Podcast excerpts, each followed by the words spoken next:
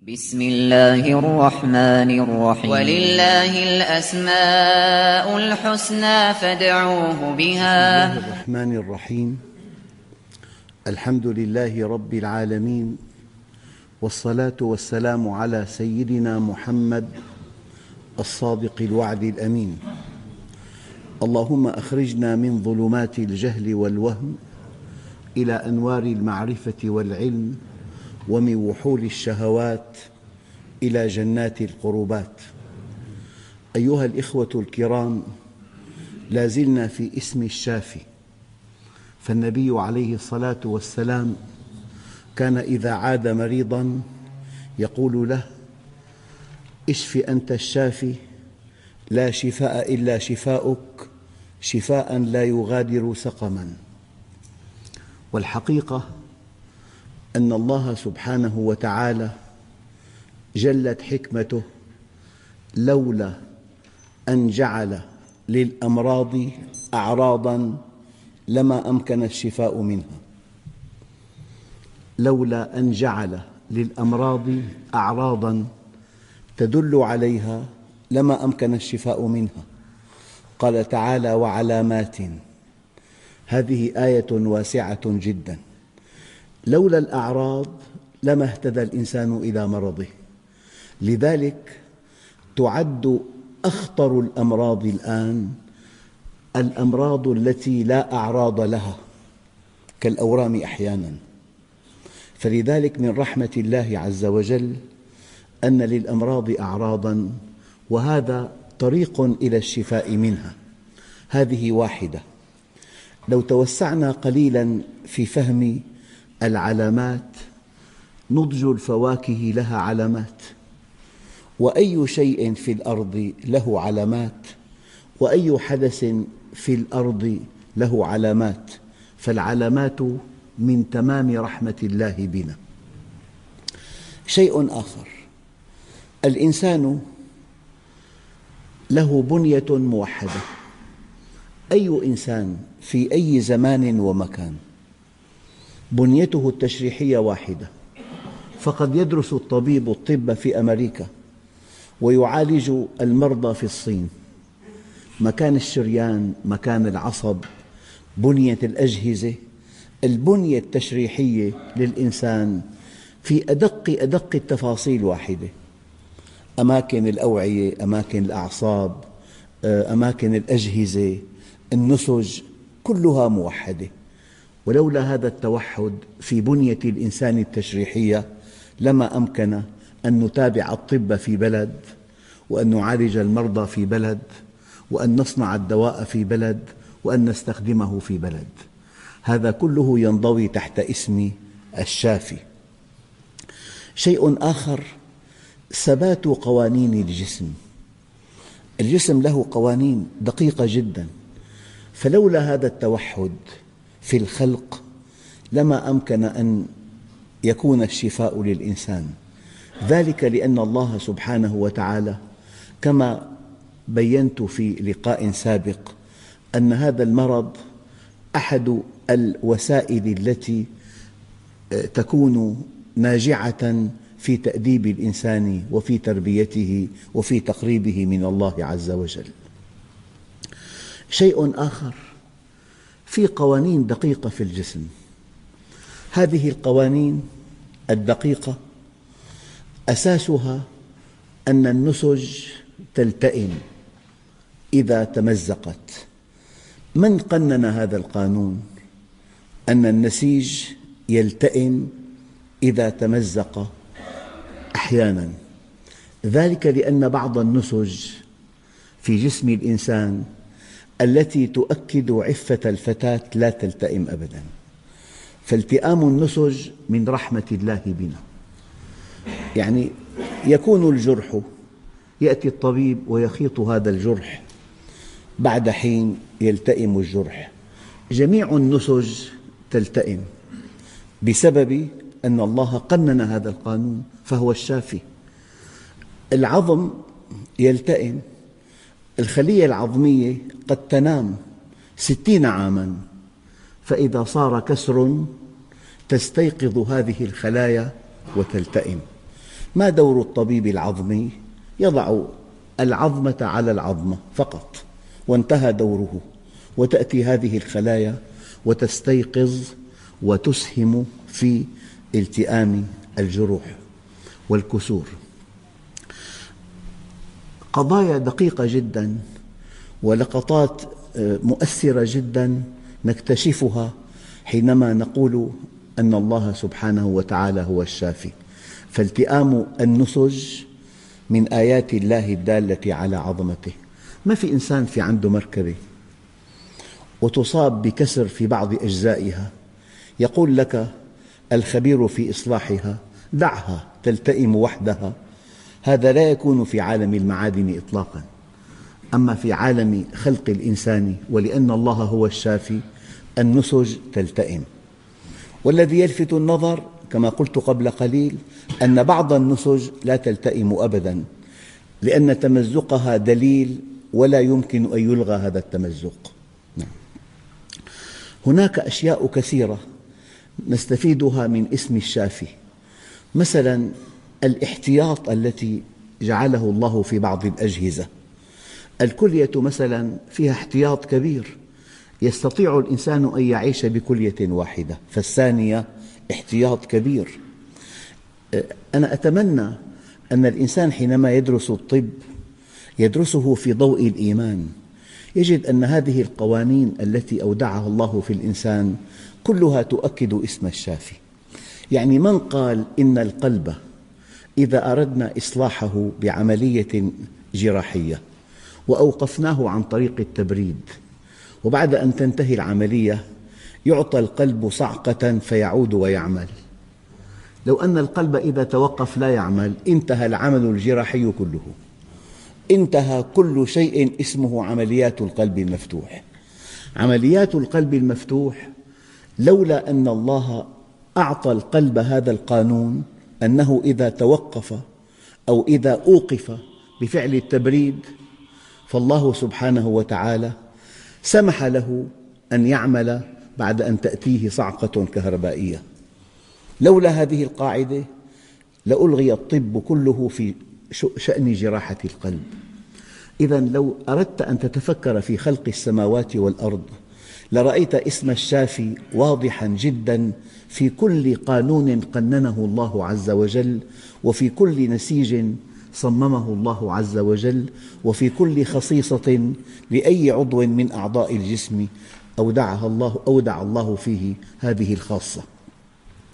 يعني أحيانا يقول طبيب قلب جراح إن في القلب شريانا يبدو أنه لا فائدة منه.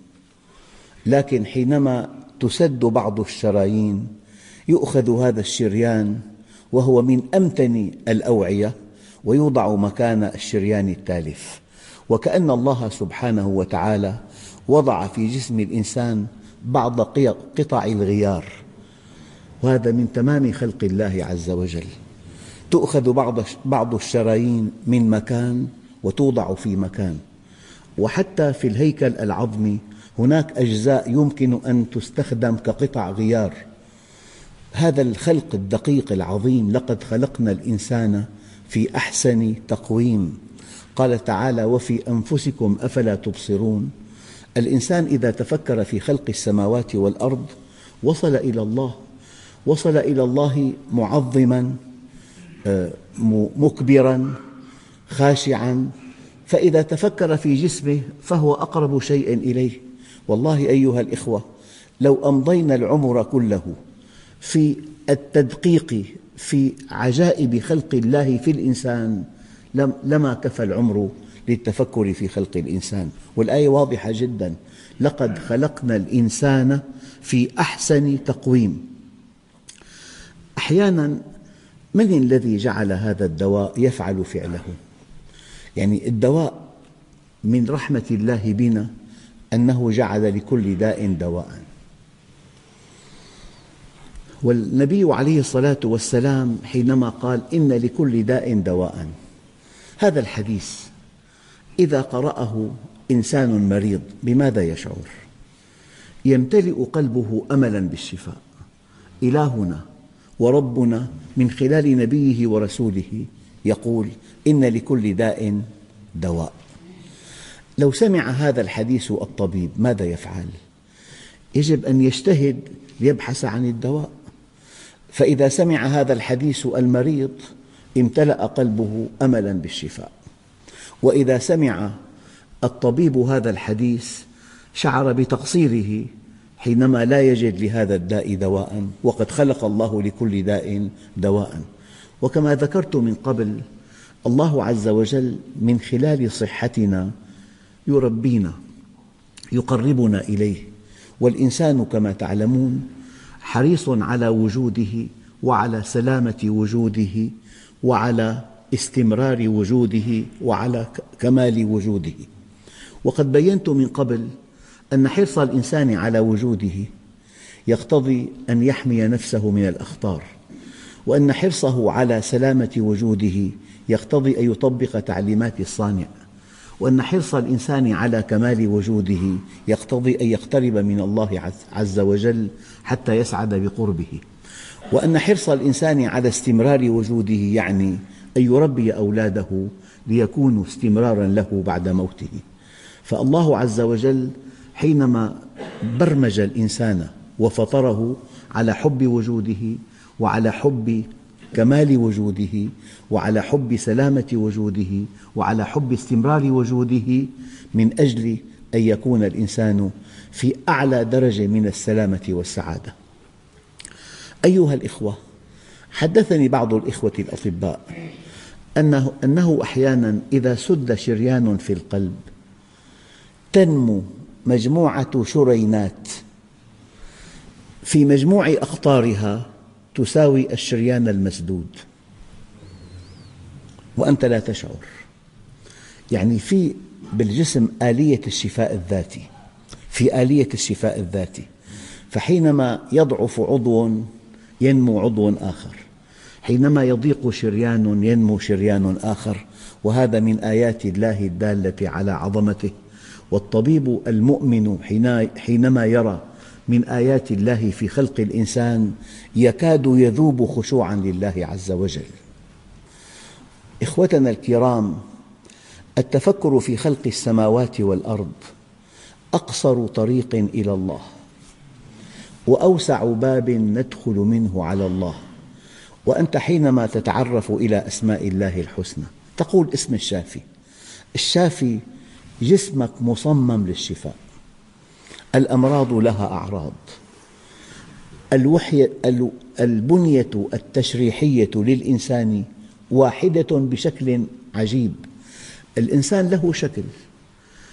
يقول بعض العارفين بالله والله يا رب لو تشابهت ورقتا زيتون لما سميت الواسع. لو تشابهت ورقتا زيتون في بالأرض ستة آلاف مليون إنسان. ما في إنسان يشبه الآخر.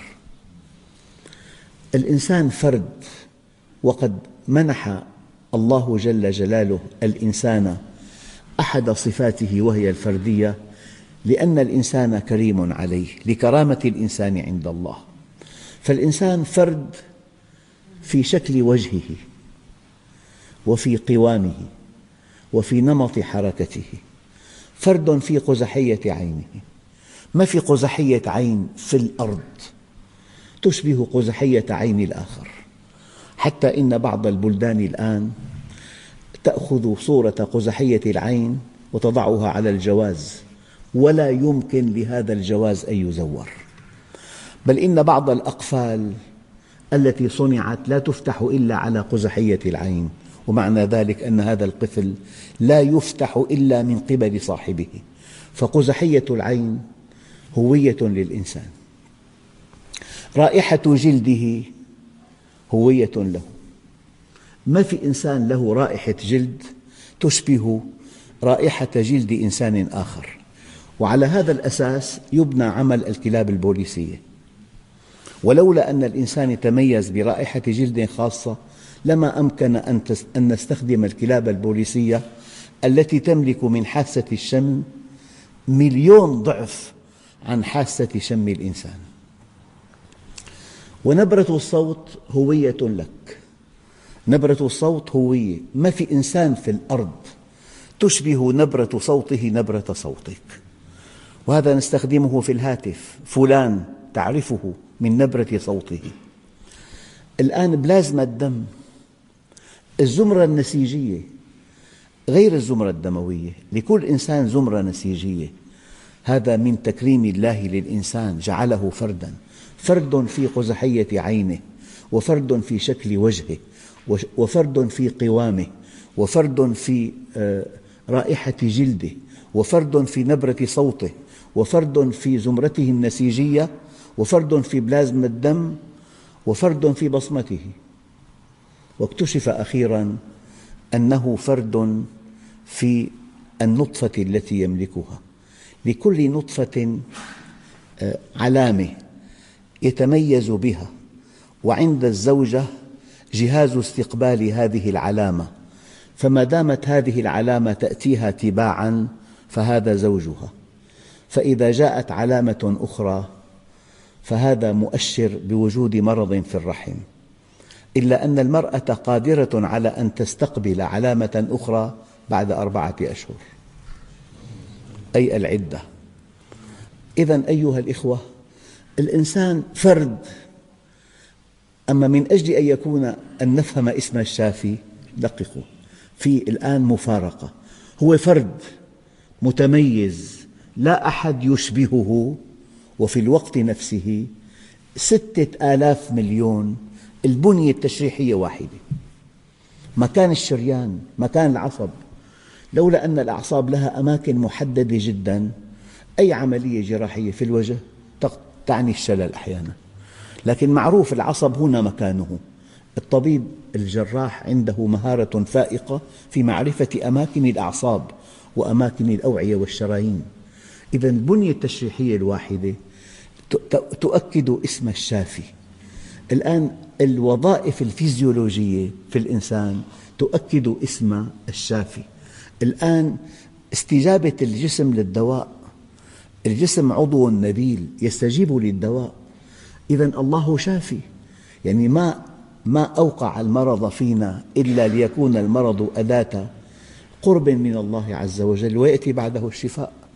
أيها الإخوة الكرام اكتشف الآن أن حبل السرر في دم هذا الدم له خصائص مذهلة. هذا الدم. يوضع هذا الدم في بنك باسم صاحبه.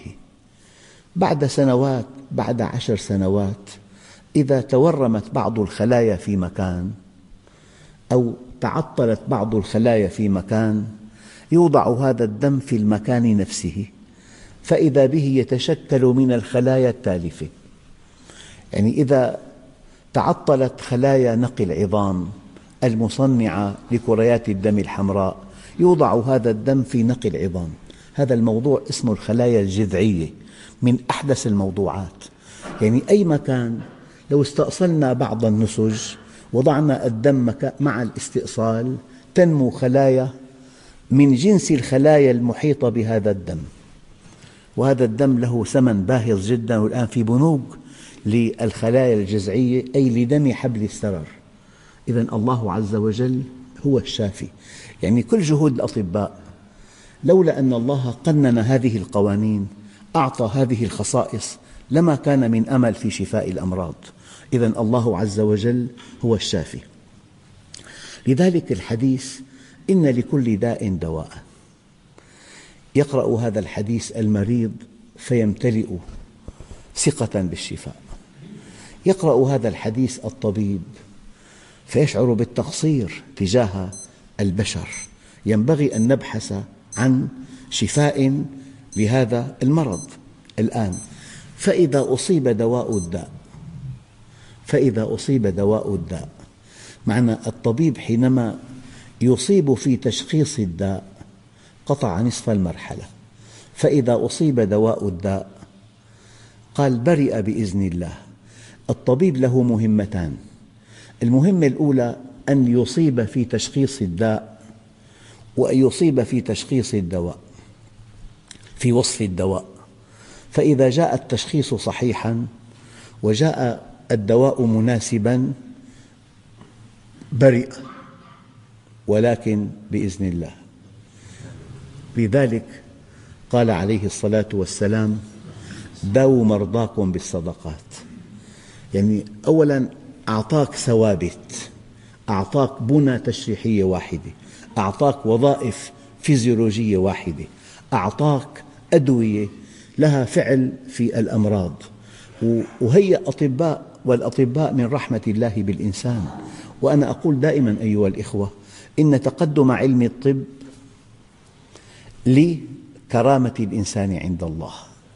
تقدم علم الطب لكرامة الإنسان عند الله لأن الله هو الشافي. إلا أن مرض الموت لا, لا شفاء له. هذا مرض لأنه بوابة الخروج. الإنسان كيف يخرج من الدنيا؟ يخرج بمرض الموت.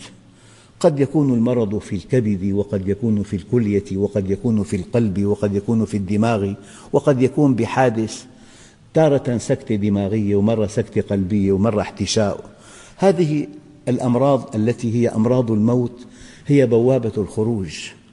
والإنسان حينما يرى أنه لا بد من أن يخرج من الدنيا هذا من أعظم المواعظ والعبر.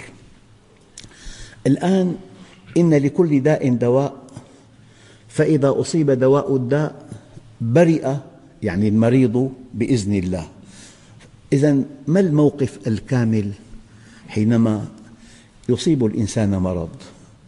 الموقف الكامل أن أبحث عن طبيب متفوق. ولي, ولي مصطلح لطيف. ابحث عن طبيب مسلم حاذق ورع. ابحث عن طبيب مسلم حاذق ورع لأنه ينصح والدين النصيحة. الآن هذا الطبيب يصيب في وصف تشخيص الداء ويصيب إن شاء الله في وصف الدواء. ثم توجه إلى الله أن يسمح لهذا الدواء أن يفعل فعله في الداء. هذا الموقف الكامل. الإنسان من ضعفه إذا أخذ بالأسباب يعتمد عليها وينسى الله. وفي مسلمين مقصرين لا يأخذون بالأسباب وهم عصاة. لذلك كأن الطريق الأمثل هو طريق عن يمينه واد سحيق وعن يساره واد سحيق. فالإنسان إذا أخذ بالأسباب واعتمد عليها وقع في وادي الشرك. وإن لم يأخذ بالأسباب وقع في وادي المعصية. ففي حنين